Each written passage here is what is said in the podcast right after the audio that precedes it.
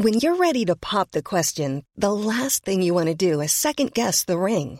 At Bluenile.com, you can design a one of a kind ring with the ease and convenience of shopping online. Choose your diamond and setting. When you find the one, you'll get it delivered right to your door. Go to Bluenile.com and use promo code LISTEN to get $50 off your purchase of $500 or more. That's code LISTEN at Bluenile.com for $50 off your purchase. Bluenile.com code LISTEN. Altså, morgendagens vinnere satser jo sirkulært. Og, og når vi spør uh, våre barn og barnebarn om uh, noen år, så vil de jo le av oss at vi kjørte alt på fylling. Det er destruktivt. Alle bygg skal levere klimagassregnskap, men uh, hele overgangen til å regne i CO2-ekvivalenter er jo ny, også for Oslo kommune og boligbygg. Velkommen tilbake til Entreprisepodden, en Grette-podkast om samarbeid i bygg og anlegg, og hvordan aktørene sammen kan skape en god bransje. Mitt navn er Madeleine Bråten Bjåland, og jeg leder denne podkasten sammen med advokat Jørgen Årdalsbakke. Temaet i dag er klima og miljø. I dag har vi vært så heldige å få besøk av to personer i Entreprisepodden. Eirik Wrål fra AF-gruppen, han er konserndirektør innen energi og miljø. Og Gard Skoe Fredriksen, han jobber som klima- og miljørådgiver i Boligbygg Oslo. Velkommen til dere. Takk, Tusen takk. Si litt om selskapene dere jobber med. Kan du starte, Eirik? Ja, vi er et uh, industri- og entreprenørkonsern med største fotfeste i Norge. Snart 6000 ansatte. Uh, det som kanskje er litt annerledes med AF kontra mange andre selskaper, er at vi i stor del er eid av oss selv. Altså ansatte er medeier i selskapet, og vi er sterkt voksne og holdt på siden 1986. Du er, Eirik, du er konserndirektør i AF da på energi og miljø. Si litt hvordan du havnet i den stillingen? Du, det har jeg lurt på selv mange ganger. Når jeg sitter her og ser tilbake, så er det vel kanskje fordi jeg har en Kall det en operativ og iboende trang til å løse utfordringer. Jeg er ganske utålmodig av natur, og egentlig har erfart at det er mulig å få til veldig mye med litt fokus og engasjement. Så det er vel det beste svaret jeg kan gi på det. Ja, Og engasjementet for klima og miljø, hvor, hvor kommer det fra? Nei, det kommer som en naturlig del av at det er mulig å gjøre noe, og vi ser at det er, eh, ting er ikke umulig. Eh, så det gir engasjement. Se resultater. Interessant. Vi skal snakke mer om, om det engasjementet. Gard, du er, jobber i Boligbygg Oslo. Kan du si litt om deres virksomhet? Oslobygg er jo et av byggforetakene i Oslo kommune, så Boligbygg inngår jo i, i, i hele den store uh, Oslo kommune-organiseringa. Men der er byggforetakene skilt ut som egne selskap. Uh, Boligbygg har da ansvaret for uh, bolig for vanskeligstilte, og det er kanskje den delen av det vi har ansvaret for som er best kjent. huset gir hjelp til leiligheter for dem som ikke klarer å finne det selv, eller trenger den hjelpa. I tillegg så bygger vi omsorg pluss-boliger. rus, psykiatri, PU-boliger. Og din stilling der er klima- og miljørådgiver. Si litt hva det innebærer. Ja, jeg er inne der da i Jeg må jo vedgå det nå, da, at jeg sitter ikke her på fulltid. Jeg jobber i en annen del av Oslo kommune også. Men jeg har vært inne på særlig rundt miljøspørsmål i boligbygg nå da, for en periode. Og vi gleder oss til å snakke med dere om, om klima og miljø. men Først, hvordan står det til i bygg og anlegg i dag når det gjelder klima og miljø? Det er vel på bedringens vei, vil jeg kanskje si. At det har vært en bransje som lenge har hatt et rykte på seg for å ligge etter, og kanskje også har vært litt etter. Men hvor det er klare tegn på at mange nå gjør en innsats for å Og også ser det som en forretningsmulighet. Det er ikke bare en noe, et, et, vedheng i en strategi, men at det nå inngår som en del av det selskapene ønsker å levere på. Men det er jo Altså, bransjen vår, da, er jo, som en kjempestor bransje, er jo flinke til å underkommunisere hvor mye som faktisk blir gjort, og hva vi løser av miljø- og klimautfordringer.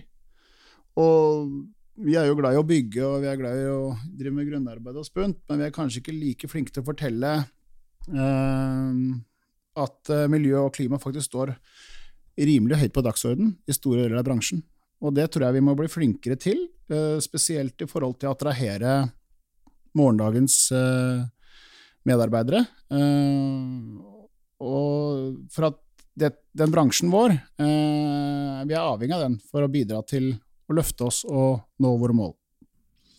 Dette med klima som begrep, det er jo blitt et sånt in-ord eller it-ord.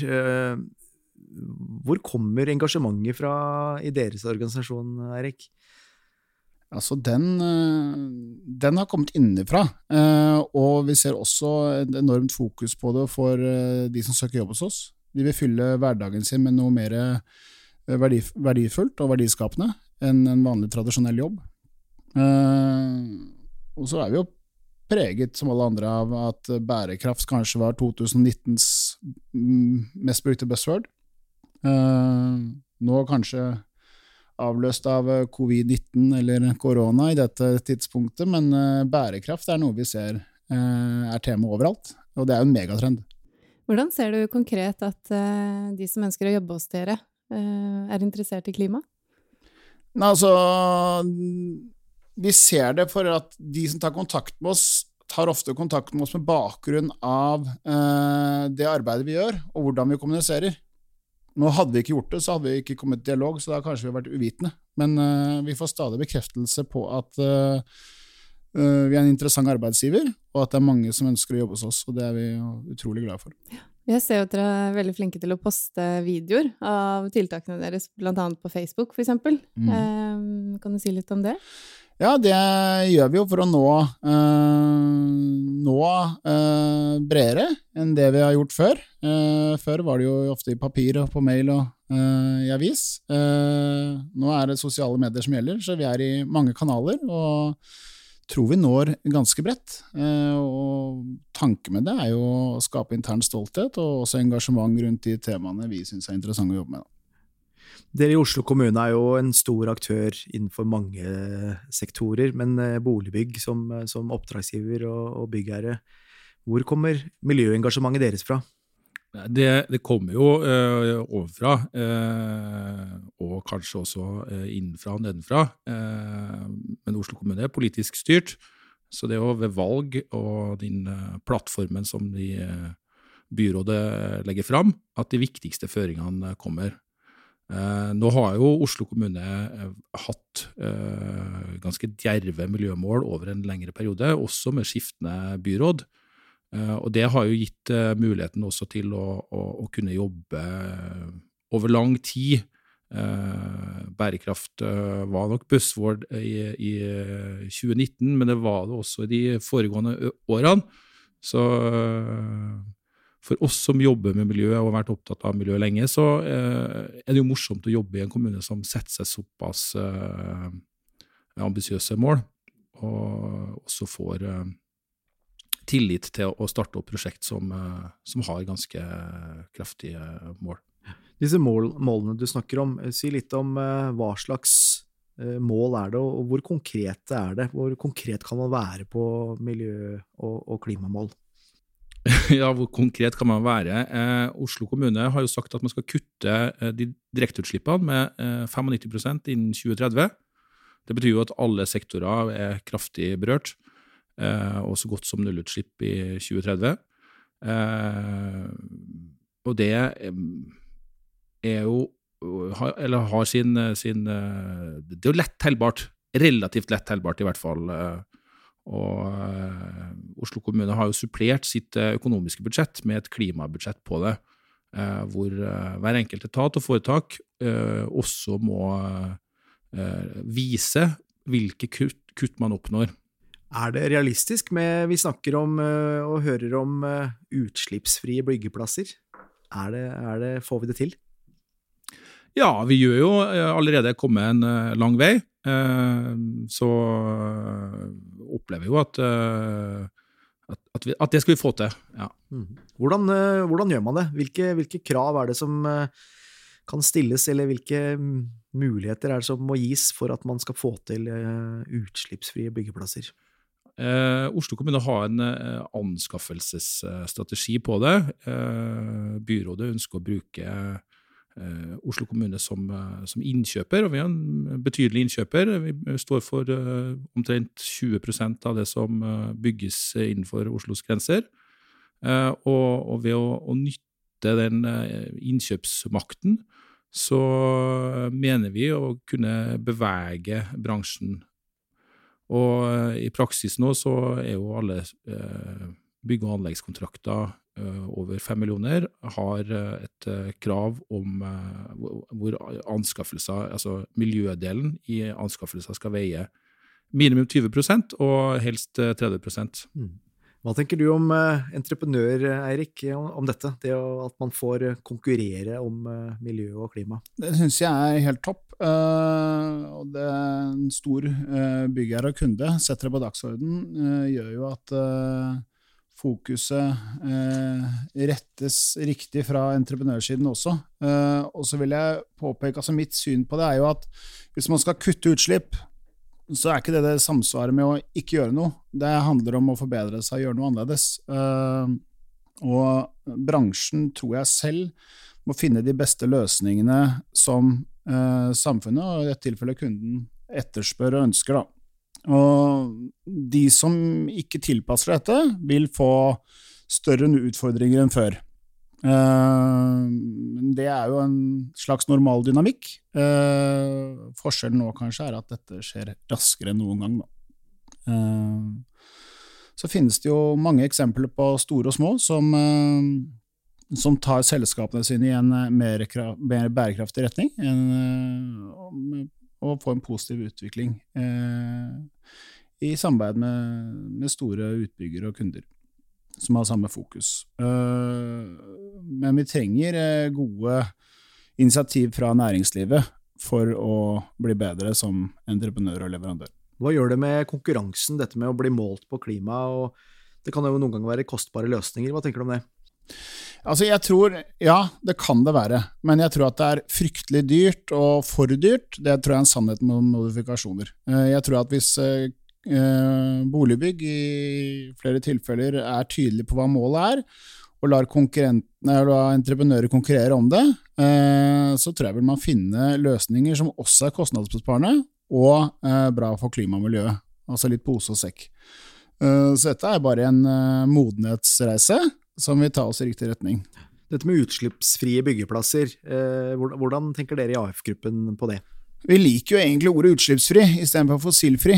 Eh, fossilfri er på en måte litt hybriden. Eh, der det man kanskje ser til Sverige og andre steder, er at det blir en, liksom en agenda med å kjøpe opp alt av grønn diesel, som det heter, og skape seg konkurransekraft. Mens utslippsfri går jo rett og slett på at du bruker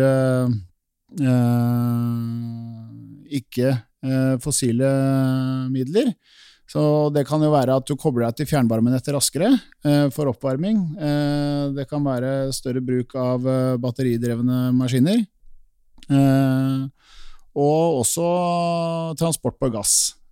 biogass, f.eks. Eh, som er mulig å få til i dag. Begrensningen ligger jo i teknologien. Uh, og en, en, entreprenør er ikke den beste til å være teknologidriver. Vi må være nysgjerrige og, og, og se på løsninger som leverandørindustrien kan gi oss. Uh, og så må vi også sette da, tilsvarende krav og press på de som byggherren gjør til oss. Hvis du tenker en, eh, en byggeplass en AF-drevet byggeplass i dag. Hvordan mm. ser man klima- og miljøtiltak konkret på en byggeplass i dag? Eh, for publikum så vil det kanskje se ut som det går litt sakte. Eh, det er ikke så spektakulært. Vi har mange konteinere. Vi rydder. Eh, det er rent og ryddig.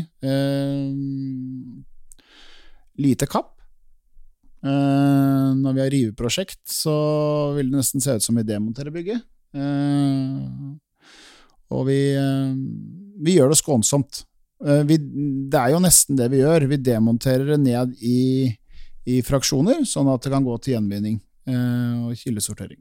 I, I, forhold til eh, de kravene som Oslo kommune setter som innkjøper og, og vi, vi, vi, har jo nå da den her at vi veier eh, tilbudene eh, 20-30% men vi signaliserer også hvor vi skal hen. Eh, sånn at vi skal være fossilfri fra 2025. Eh, hva tenker dere eh, om den type krav, at vi signaliserer lang tid i forveien at dit skal vi? Da blir det obligatoriske krav for å være leverandør i Oslo kommune. Men enn så lenge så kan man konkurrere på, på det. Jeg syns det høres helt riktig ut. Det fører til at vi som entreprenør må benytte vår kunnskap og uh, gjennomføringsevne på et tidligere stadie. Vi kan også få en forutsigbarhet på hvordan vi skal rekruttere og fokusere for å være en god tilbyder til en, bestiller som er varig. og så mener vi jo også Vi liker å jobbe for byggherrer som stiller krav. og vi liker å jobbe for kunder som gjør oss bedre.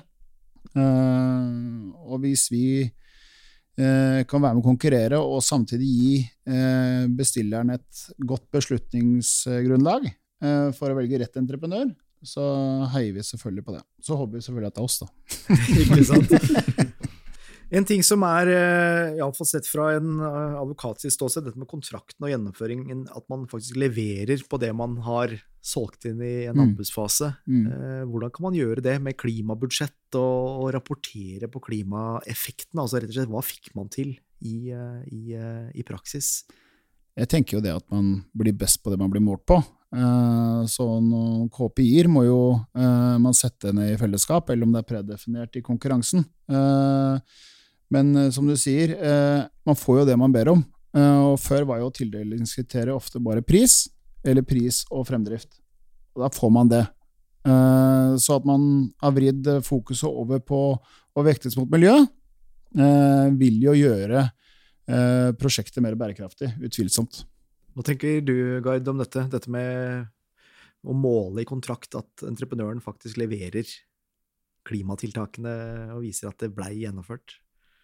Ja, eh, Det er åpenbart at det er en del av uh, den oppfølginga vi får framover. Vi har jo ikke laga de her kontraktene ennå. Eh, vi uh, har hatt de første anbudene på vei ut nå, og, og sitter og, og, går gjennom hvordan vi kan uh, følge det opp og ha gode kopier som gjerne lages i samråd med andre. Og, men ellers vi er nødt til å, å, føre regnskap på hva det ene kontra det andre, hva man oppnår. Eh, og i Oslo så er jo det eh, CO2. Det er det vi eh, måler på. Direkteutslipp.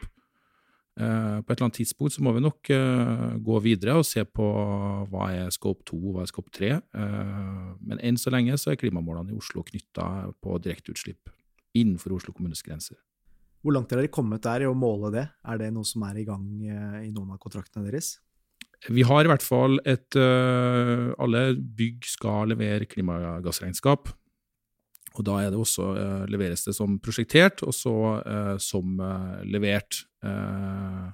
så metodikken i så måte begynner å falle på plass, men hele overgangen til å regne i CO2-ekvivalenter er jo ny, også for Oslo kommune og, boligbygg. Mm.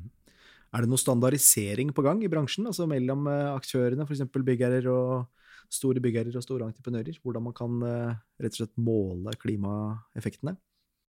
Vi opplever ikke det. Jeg vet ikke om du kjenner til noe annet, men eh, at klima og miljø er satt som vurderingskriterier, det begynner å bli en, en rød tråd. Men noen felles kopier, det er det ikke. Ikke som vi har sett, på tvers av kunder.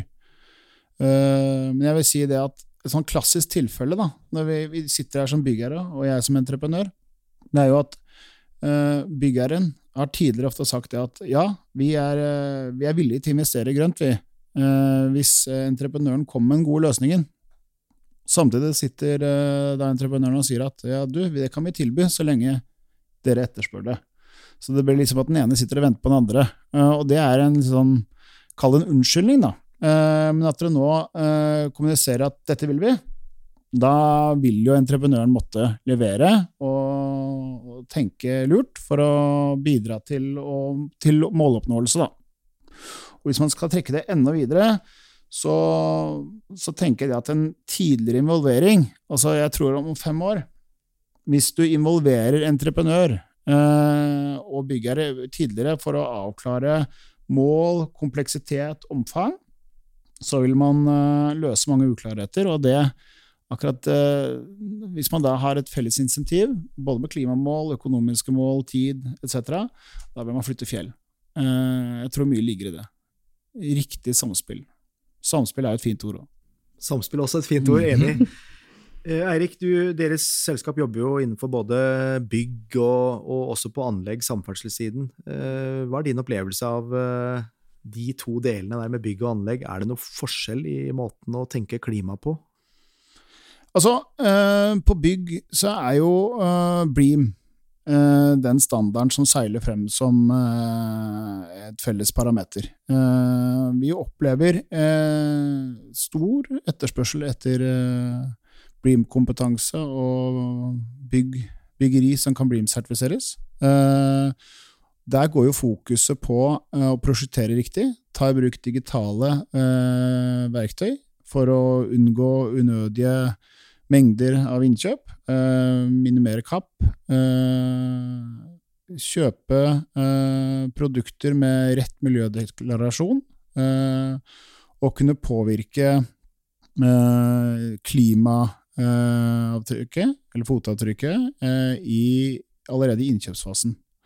Det kan være å gå over til lavkarbonbetong, det kan være å bygge massivtre istedenfor tradisjonelt, optimalisere transport etc., etc. Uh, når det gjelder anleggsbransjen, så er fokuset der absolutt, og spesielt etter den nye veier kom. Uh, det går på å prøve å minimere f.eks. For forbruk av jomfruelige masser, fjell. Prøve å gjenbruke mye av massene i linja. Samtidig så er det en erkjennelse at du får ikke bygd 2,5 mil motorvei med batteridrevne maskiner fordi at infrastrukturen og teknologien er ikke der ennå, selv om det er noe vi kunne ønske. Så både på bygg og på anlegg, stort fokus, eh, men naturligvis, det ligger i sakens natur og i prosjektets kompleksitet at det er forskjellige tiltak som nytter, da. Kost-nytte-betraktning. Mm. Er det alltid slik at uh, miljø og klima koster mer? Eller kan man se for seg at det kan være noen gode effekter å hente også økonomisk? Hva tror du, Gard? Det er jo øh, Ja øh, Og øh, noe mer koster det kanskje i første, første omgang. Det tror jeg Oslo kommune har erkjent i forhold til den nye anskaffelseskravene. Samtidig så håper vi at det skal bane vei for nye måter å løse ting på. Og ofte så er det jo snakk om en ressursutnyttelse eller en ressursoptimering. Eh, og det tror jeg vil være en eh, besparelse for eh, byggherren på, på sikt. Dere har jo uttalt at dere ønsker 70 gjenbruk, nå i en nylig pressemelding på bygg.no. Hvordan tenker dere å gå fram for å nå det målet? Ja, vi, vi, ser jo at i dag så er det kanskje 30% som går til gjenbruk. Eh, det tallet mener vi er for eh, lavt, og er i hvert fall interessert i å, å se hvor, eh, på hvilke måter kan vi prøve å heve det tallet. Fordi det er snakk om enorme ressurser gjennom, gjennom året og i enkeltprosjektene. Vi har ikke tenkt at det skal vi gjøre alene. Vi har vært heldige og fått uh, Miljødirektoratet til å støtte et prosjekt hos oss, uh, så vi har fått tildelt uh, 2,3 millioner. det er et prosjekt som da skal gå i over tre faser. hvor Den første er en vurdering av hva som gjøres i dag. Hvordan går materialstrømmene? Hvem er det som tar imot dem? hva har andre land gjort? Andre prosjekt? Uh, mens uh, den fase to, altså det er mer en sånn uh, teoretisk innsamling av tall og data. mens fase to vil være en dialog med bransjen, da, hvor vi gjerne vil ha med Erik og andre til å komme med forslag til hvordan man kan få opp gjenbruksandelen teknologisk, håndteringsmessig er det vi, måten vi setter sammen bygg på som kan forbedres? Eh, egentlig da en helt åpen eh, dialog med bransjen for å prøve å finne gode løsninger. Den siste delen av prosjektet er et eh, konkret pilotprosjekt hvor vi skal eh, prøve ut det her i praksis. Eh, Har dere eh, prosjektet klart? Hvilke Ja, vi har eh, flere, i hvert fall i, i, i skreppa, og eh, hvilket, vi, hvilket som til slutt viser seg å passe, det får vi ta en eh, beslutning på etter hvert. Mm. Mm. Hva tenker du om sånne invitasjoner? Det det er kjempespennende. Eh, Jeg tror sånn tettere samarbeid er helt avgjørende for å komme oss videre. Og så tror jeg det dere fokuserer på nå er helt riktig. Eh, Bransjen vår måler seg i dag på kildesorteringsgrad, eh, og det er bra. Eh, For da tilrettelegger du for en, et gjenbruk eh, og gjenvinning. Eh, Og du kan tenke volum, da, at det nytter. Bare i fjor så kildesorterte AF 95 av en halv million tonn. Det tilsvarer altså avfall fra én million personer og en halv million husstander. Så det er enorme volumer her. Og det avfallet vil i økende grad fremover representere en verdi både for byggherre og entreprenør uh, i, en, uh, i et sirkulært Mm. samfunn. Eh, Utvilsomt. Så dere er på riktig vei. Riktig. Og sånn sett er det ikke bare en kostnad ved miljøet, men faktisk også en mulighet. Absolutt, det er det. Jeg tror jo at det ligger Altså, morgendagens vinnere satser jo sirkulært på mange måter. Vi har på en måte, siden jeg ble født i hvert fall, hatt Tomra. Og det har vært sånn innbo, iboende på en måte eh, Ja, at man, man tenker at man skal pante en flaske. Det er, de færreste som kaster flasker. Men vi er veldig glad i å deponere og, og kaste andre ting. Eh, så det kan jeg komme tilbake etterpå. Men jeg forsøker nå å lage en panteordning for bransjen, eh, som vi har veldig troa på. Rett og slett for at det er så enorme volumer vi behandler. Og, og når vi spør eh, våre barn og barnebarn om eh, noen år, så vil de jo le av oss at vi kjørte alt på fylling. Det er destruktivt. Mm. Ja, Si litt mer om det. Er det noe dere jobber med allerede i dag? Altså, det begynte med i 2009 at uh, vi hadde et oppryddingsprosjekt i Trondheim der vi skulle rydde opp fra en gammel svillefabrikk. Uh, og da vi raskt erkjente av at uh, behandlingen av den forurensa grunnen som var der, kostet mer enn selve utførelsen av prosjektet. Og vi begynte da å sondere på hvordan kan vi eh, rydde opp denne tomta på en eh, billigst måte, og at det skulle være så bærekraftig som mulig og erkjente da etter hvert at eh, det nærmeste mottaket som kunne ta dette, var NOAH på Langøya. Innebar eh, lang båttransport. Det var dyrt, det tok tid, eh, og det ga oss heller ikke noe konkurransekraft. Eh, så da bestemte vi oss egentlig for å prøve å se om vi kunne effektivisere måten vi jobba på, eh, lokalt i regionen i Trondheim. Og vi kom over et uh, en gammelt myrdeponi eh, som var lagt brakk og dødt. Eh, og vi da brukte knust betong blanda med myr og lagde matjord. Lasta ut eh, og solgte og gjenbrukte den. Og greide samtidig å uh, gi plass til et nytt deponi lokalt i Trondheim, som sparte oss for transport, sparte oss for utslipp og ikke minst utgifter.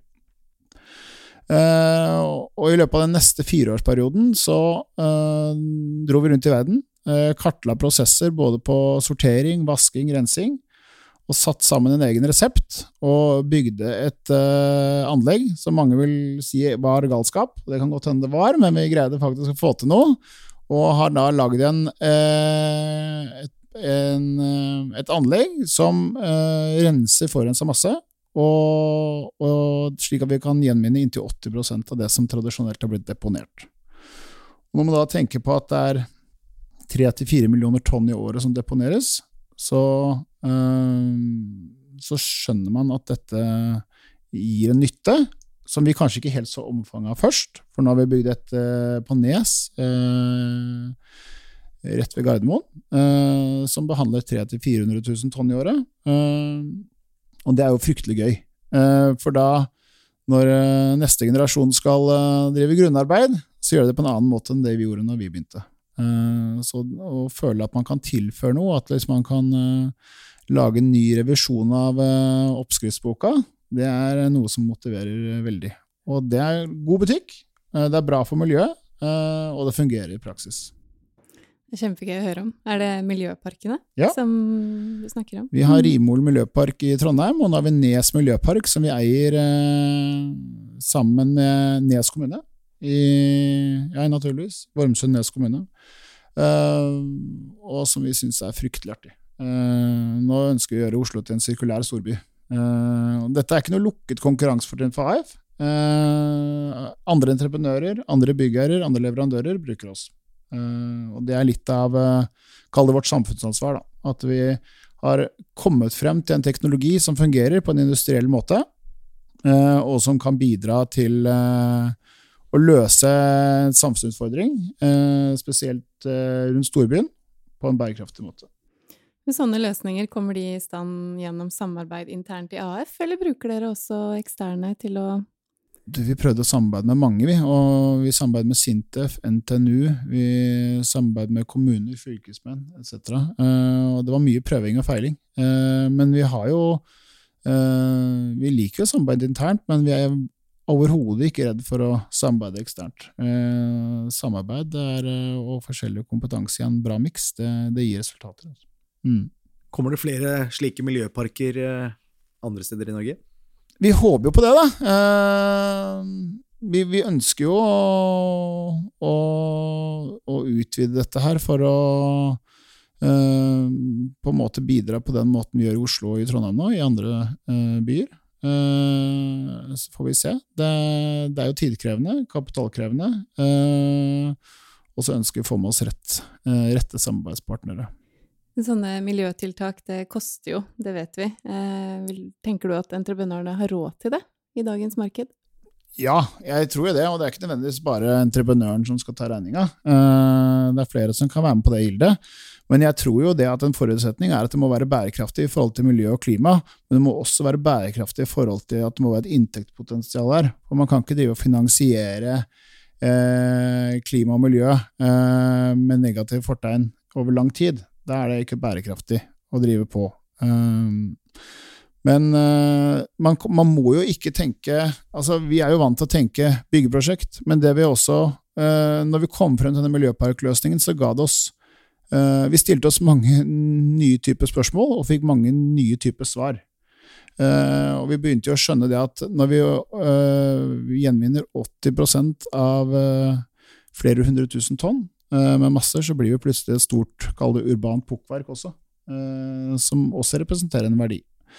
Så Bærum kommune, Trondheim kommune, eh, leverer eh, strøsand eh, når de feier opp gatesop eh, på våren til oss. Vi renser det og sender det tilbake igjen til kommunen, som de kan da strø glatte veier igjen på Fløyen øst. Og det er jo det er det ingen andre i verden som gjør, og det er også morsomt å være med på.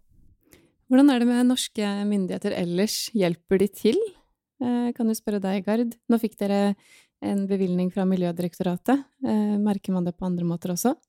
I hvert fall så er det jo et eh, godt tegn at de er interessert i, i sånn type prosjekt som vi har søkt om og igangsatt.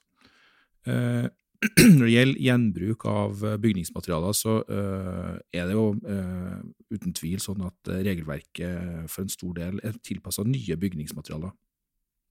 Og, og der er det nok fremdeles eh, et stykke vei å gå, hvordan man kan få godkjent, eh, godkjennelse for eh, gjenbrukte byggdeler. Det er jo, det vet jo dere som er jurister litt mer om hva som er som bakgrunnen for det, men det er jo forbrukerhensyn som ligger bak mange av dagens forordninger. Men sånn sett i forhold til et gjenbruksperspektiv, så eh, er det ønskelig at man kan få til en, eh, en form for sertifiseringsordning som, eh, som er litt smidigere, kanskje, mer tilpassa den situasjonen. Ja, for det er veldig mange som snakker om at det er flere barrierer enn muligheter når det gjelder ombruk og gjenbruk. Hva tenker du om det? Eh, Jeg tror jo at når eh, gjenbruksandelen er så lav som den er i dag, så er det flere muligheter enn det er barrierer. Og eh, sammen så skal vi klare å rydde av veien en del av de barrierene. Dere i Boligbygg eh, rehabiliterer sikkert også en del bygg. Hvordan er det med rehabilitering eh, kontra nybygg? Regner dere miljøeffekter på, på det? Ja, det gjør vi absolutt. Eh, og det er jo det har vært en uttalt fra byrådet også at vi skal i større grad rehabilitere enn, enn å rive og bygge nytt. Og det er jo en, en måte å, ta vare på de ressursene som, som står der. Eh, det bør også få noen følger for hvordan man tenker nybygg, at de er fleksible og kan tilpasses eh, til ulike typer bruk over tid. For det ser vi eh, nå, at en del av de byggene som vi ønsker å rehabilitere, kan ha utfordringer i så måte at etasjehøydene er for lav, det er vanskelig å få til gode ventilasjonsløsninger osv. Men det er absolutt en del av det vi jobber og ser på. Et, en av de tingene som kanskje har vært eh, litt krevende i forhold til rehab-prosjekter, er jo eh, at eh, teknisk forskrift kommer inn for fullt. Nå har Grønn byggeallianse hatt et initiativ der, og det er jo spennende å se om, om det kan lette noen av de kravene som ligger i forskriften. Mm. Norge har jo som politisk en ambisjon om å være ledende, ledende land for, for klima- og Eh, miljørettet utviklingsarbeid og være for, et foregangsland for det grønne skiftet. Uh, så bransjen har vel regjeringen med på laget, men det er lang vei fra storting til byggegrop. helt uavhengig av hvilken regjering som styrer landet.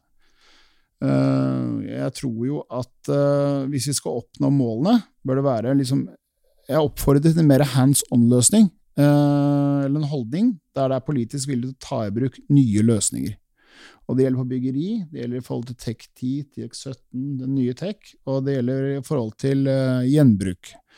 Uh, og denne hands on-løsningen må også da uh, altså Kanskje en drøm, men kommuneadministrasjon, fylkesmenn, departement bør gjøre det samme. Vi må få mer skyv i båten. Vi føler oss noen ganger ikke motarbeidet, men vi føler oss offer for byråkrati. Det er ikke bra. Uh, så å være nysgjerrig på sirkulære løsninger, f.eks. noe så banalt som at når man lager en drøss med sykkelveier, hvorfor ikke lage de 100 grønne, med sirkulære masser fra topp til bunn? Uh, Strøsa nevnte jeg i sted, men det fins jo løsninger. Og jeg tror ikke det er noen motforestilling eller motvilje til å bruke det, jeg tror bare at det må settes på dagsorden på en annen måte. Mm. Uh, handler om kompetanse egentlig da, og informasjon? Eh, kompetanse eller kunnskap, kanskje. Altså, det bør ikke være høykompetent, uh, men man kan jo være nysgjerrig på å spørre de som kanskje har gjort det før, mener noe om det, kan noe om det, og være nysgjerrig på hva som er mulig å få til.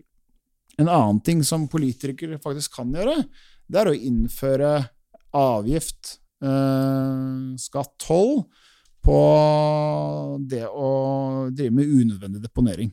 Eh, en annen ting er jo det at man skal ta ut uh, altså jomfruelige varer. Så vil det, også kanskje være en avgift. For da vil jo entreprenør, byggherre og leverandørene sine snu seg rundt for å se etter løsninger som er mer konkurransedyktige, som også da potensielt kan være veldig bra for miljø og klima. Og så ikke minst, kom ut på uh, byggeropa, gjerne på en miljøpark, kom og se hva som er mulig. Ja, jeg skulle til å si det. Vi har jo en egen klima- og miljøminister, mm. Sveinung Rotevatn. Mm. Er han å se i, eh, på um, deres uh, bransjearenaer? Ja, det vil jeg si. Nå har jo ikke han hatt så veldig lang tid til å vise seg, så han må få være litt unnskyldt der. Men uh, den type minister er jo er synlig i vår bransje, det vil jeg si. Og flere andre ministre. Dere har jo begge snakket om tiltak og muligheter når det gjelder klima og miljø, men liten utfordring til dere begge. To konkrete tiltak for uh, din organisasjon, først deg, Gard, for 2020 uh, eh, på klima- og miljøområdet. I hvert fall så vil vi starte den eh, dialogen som jeg nevnte her i stad. At vi får snakka med bransjen og spurt om hjelp. Vi klarer ikke Vi må jobbe sammen for å få de gode løsningene. Og det må vi klare å få til i løpet av 2020. Eh, et annet spørsmål som er eh, relatert, da, eh, er også å få til noe på lokal massehåndtering. Massehåndtering i dag krever stadig lengre transportetapper, og det må jo være dyrt å, å kjøre langt, og det gir utslipp. Så det å finne løsninger sammen på det innenfor Oslo kommune. Det vil jeg gjerne at skal skje i 2020. Bra. Vi kaster ballen over til deg, Eirik. Ja, to konkrete tiltak for uh, AF-gruppen. Jeg gir gjerne noen flere, ja, altså en to, hvis det er lov. Vi er rause. En rekke tjenester som vi, vi, altså vi, allerede tilbyr, er jo svar på konkrete samfunnsutfordringer. Eh, så jeg ønsker at vi skal videreutvikle oss eh, og sette oss noen mål. Eh, så i 2020 ønsker vi å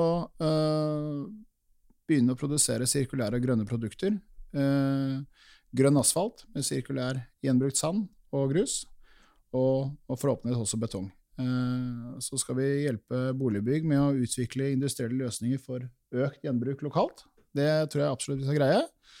Og så skal vi drive effektiv logistikk, eh, tur-retur-transport, der hvor ingen lass går tomme ut fra deres prosjekter. Det må være en god ambisjon. Uh, og for oss selv når vi bygger, så er reduksjon av mengden materialer samt å bytte ut betong med kanskje den grønne, mer sirkulære lavkarbonbetongen, som vi også skal prøve å lage, et bra tiltak. Eh, så, så er det sikkert mer. Eh, om det blir innen 2020, eh, det vet jeg ikke, men ambisjonen er i hvert fall det, da. Bra. Dere representerer jo store aktører begge to. Har dere noen konkrete tips til andre ledere eh, som ønsker å gjøre ord til handling innenfor klima og miljø? Jeg kan begynne med deg, Eirik. Jeg tror man må finne ut uh, mål som fungerer for organisasjonen. Uh, og så tror jeg man må sette sammen uh, de målene. Man må spre engasjement, og man bør kanskje ikke tenke så stort. Begynne det små, og se hva som fungerer. fungerer. Og så tror jeg også det at man må se på hvordan er det vi som organisasjon kan påvirke mest. Hva kan vi gjøre noe med? det er viktig. Mm. Hva med deg, Gard? Nei, Det blir litt i samme retning. Jeg tror det er viktig at uh, miljøet ikke er et uh, vedheng til, ledelsen for øvrig. altså At uh, det er en integrert del. Og at man går gjennom organisasjonen og ser hvor er det man har størst påvirkning. sånn for egen del så har i hvert fall vår organisasjon fått noen overraskelser når man ser på det.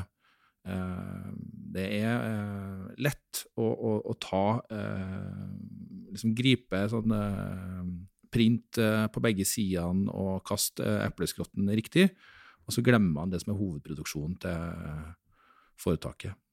Helt enig. Fokuser på hva man kan gjøre annerledes eller bedre, istedenfor å slutte med alt. Det går ikke. Også en ting til. Eh, gi kreativiteten og nysgjerrigheten en reell sjanse det, det tror jeg faktisk er litt undervurdert, og det tror jeg vil hjelpe til. Nå er det jo sånn at både de kongelige og samtlige i regjeringen går med den. Nå også svært mange i bygg- og anleggsnæringen. Og på Twitter så spekuleres det i hvorvidt det er svømmeknappen eller pride-logoen som Erna Solberg og Abid Raja går med. Da lurer jeg på, dere to, har dere pins med FNs bærekraftsmål på jakkeslaget? Nei, jeg har jo ikke det. Ehm, den eneste pinnen jeg har, er en AF-pinn. Har den heller ikke på meg i dag, men den fikk jeg etter tre års ansettelse. Ehm, før dette satte jeg vel muligens en pinn på jakka under Lillehammer-OL i 94. Husker jeg drømte om hva var vel julekurven eller noe sånt, som var mye verdt. Ehm, men dessverre så føyde vel denne OL-pinnen seg inn i en lang rekke med ting som jeg egentlig ikke har behov for. Når det gjelder denne pinnen øh, så at rollemodeller synliggjør en støtte til eh, FNs bærekraftsmål øh, gjennom å bære en pinn, det er veldig bra. Det mener jeg. Uh, jeg tror mange nordmenn kan ha godt av det å få en påminnelse om at bærekraftsmålene også gjelder her i Norge, ikke bare i utlandet. Hva med deg, Gard? Nei, jeg må skuffe. Jeg har ikke den pinnen heller. Uh, går ikke så ofte med pinn, uh, som Eirik. Eh, hadde vel eh, kanskje en pinn eh, på Lillehammer òg, i 94. Eh, vet ikke hvor de har funnet veien. Hvordan er markedet for pins nå? Det var i hvert fall ganske heftig den gangen. Har ikke sett noen som fallbyr FNs bærekraftspinn på gata heller. Men uh, utvilsomt viktig å synliggjøre FNs bærekraftsmål. Eh, og at eh, noen går foran og tilknytter seg eh, og viser at man ønsker å, å, å, å jobbe for, for, de bærekraftsmålene. De favner vidt, så de fleste vil kunne identifisere seg med i hvert fall ett, og de fleste kanskje med over ti, av de 17 bærekraftsmålene.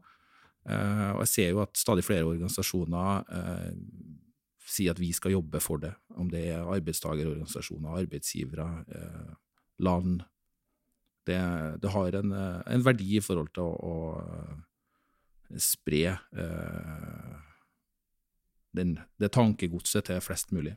Når det gjelder bærekraftsmålene, da, 17 eh, bærekraftsmål som verden har satt eh, som et felles mål. Så hvis bedrifter er ute og tenker på hvordan skal vi utvikle oss, så er det det beste veikartet for videre fokus fremover. Uh, så bærekraftsmålene, om det er en pin eller om det er på en overhead, overhead kanskje ikke, men på en powerpoint, uh, er gode retninger og representerer på en måte riktige cornerflagg på hvilken banehalvdel eller bane man skal spille på, og hvilket mål man skal score på. Så godt hjelpemiddel. Vi i Entreprisepoden har tre faste spalter, og uh, den første er ukas twist.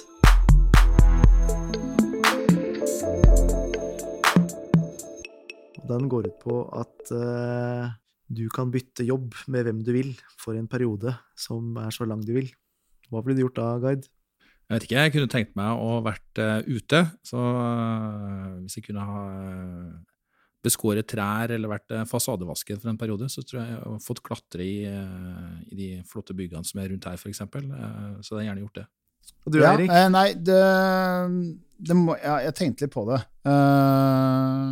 før, men akkurat nå må det ha vært, ha vært klima- og miljøminister for en veldig, veldig, veldig kort periode.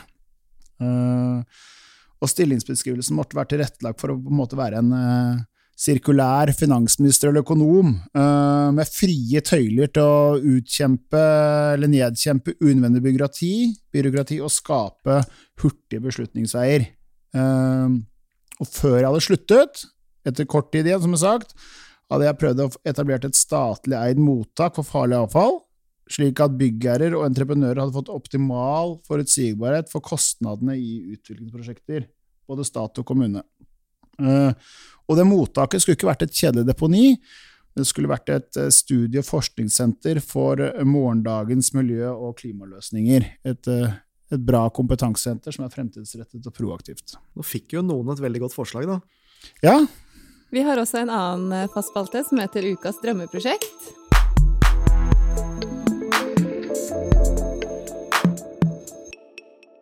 Der er du prosjektleder på hvilket prosjekt du vil, så da gir jeg ballen til deg, Gard. Hva er det? Ja, Nå syns jeg jo at jeg er heldig å få lede et uh, veldig spennende prosjekt. Uh, vi snakka nå om massehåndtering, og jeg skulle gjerne sett og leda et prosjekt som fikk til en teknologisk løsning på å styre massehåndtering i prosjekt. altså hvem trenger hva når lage en app på det som gjør det enkelt for eh, byggherre og entreprenør å, å håndtere eh, massetransport inn og ut. Spennende. Hva med deg, Eirik? Vi har tenkt litt annerledes. Ja. Altså, mitt drømmeprosjekt er å planlegge og bygge hyperloop fra Oslo til Syd-Europa. Enkelt og greit. Eh, etter jeg var ferdig med det, ble invitert dere til en times podkast i Madrid, før vi dro tilbake og hentet barnehagen helt uten klimaangst. Du, vi blir med. Takk, takk. Jeg får håpe dere er velkomne. Eller jeg får det til. Mm. Da passer det bra å avslutte med mm, ukens uh, bok. Vi er jo så heldige å ha dere i studio her på Filipstad brygge, og som en takk så ønsker vi å gi dere en uh, bok. Har du ønsket deg en bok, Gard? Ja, eh, jeg ønsker meg egentlig den 'Menn i min situasjon' av Per Petterson. Eh, jeg har lest om den, men ikke Ja, jeg gjør det. Veldig bra. Mm. Den skal du få av oss, som takk for at du er takk. her. Og hva med deg, Eirik? Du, jeg ønsker meg eh, boka som heter Vestre Aker, en bygd by til by. Eh, jeg bor selv på Røa, som er i Vestre Aker, og det har vært morsomt å lese hva Finn Holden forteller om hvordan et bondesamfunn eh, endres til et levende bysamfunn. Ehm, det kan kanskje gi meg inspirasjon til å bidra til bærekraftige og nye bydeler andre steder i byen. Veldig bra. Da sier vi tusen takk for en hyggelig og interessant prat, Gard Skoe Fredriksen fra Boligbygg Oslo og Eirik Vrål fra AF-gruppen. Selv takk, selv takk. Tusen takk. Entreprisepodden er en podkast hvor samarbeid i bygg og anlegg er i fokus. Vår bransje er kompleks. Det som kjennetegner de aktørene som lykkes, er evnen til å se helheten i en problemstilling raskt. De som ser konsekvensen av ulike alternativer og klarer å ta gode avgjørelser.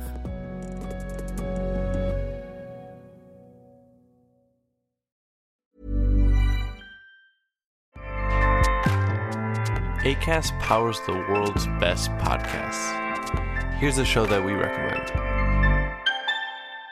The Real Housewives is a guilty pleasure for most, but if you're looking to not feel guilty about that pleasure, tune in to Everything Iconic with me, Danny Pellegrino, where I break down all the messy moments and behind the scenes antics of Bravo's popular franchise. And on Everything Iconic, I also interview celebrity guests like Kelly Ripa, Kiki Palmer, Drew Barrymore, Cameron Diaz, and more about their guilty pleasures, their past work, and so much more. So if you're pop culture obsessed and find yourself watching way too much reality TV like me, tune in to Everything Iconic with Danny Pellegrino wherever you listen to podcasts. ACAST helps creators launch, grow, and monetize their podcasts everywhere. ACAST.com.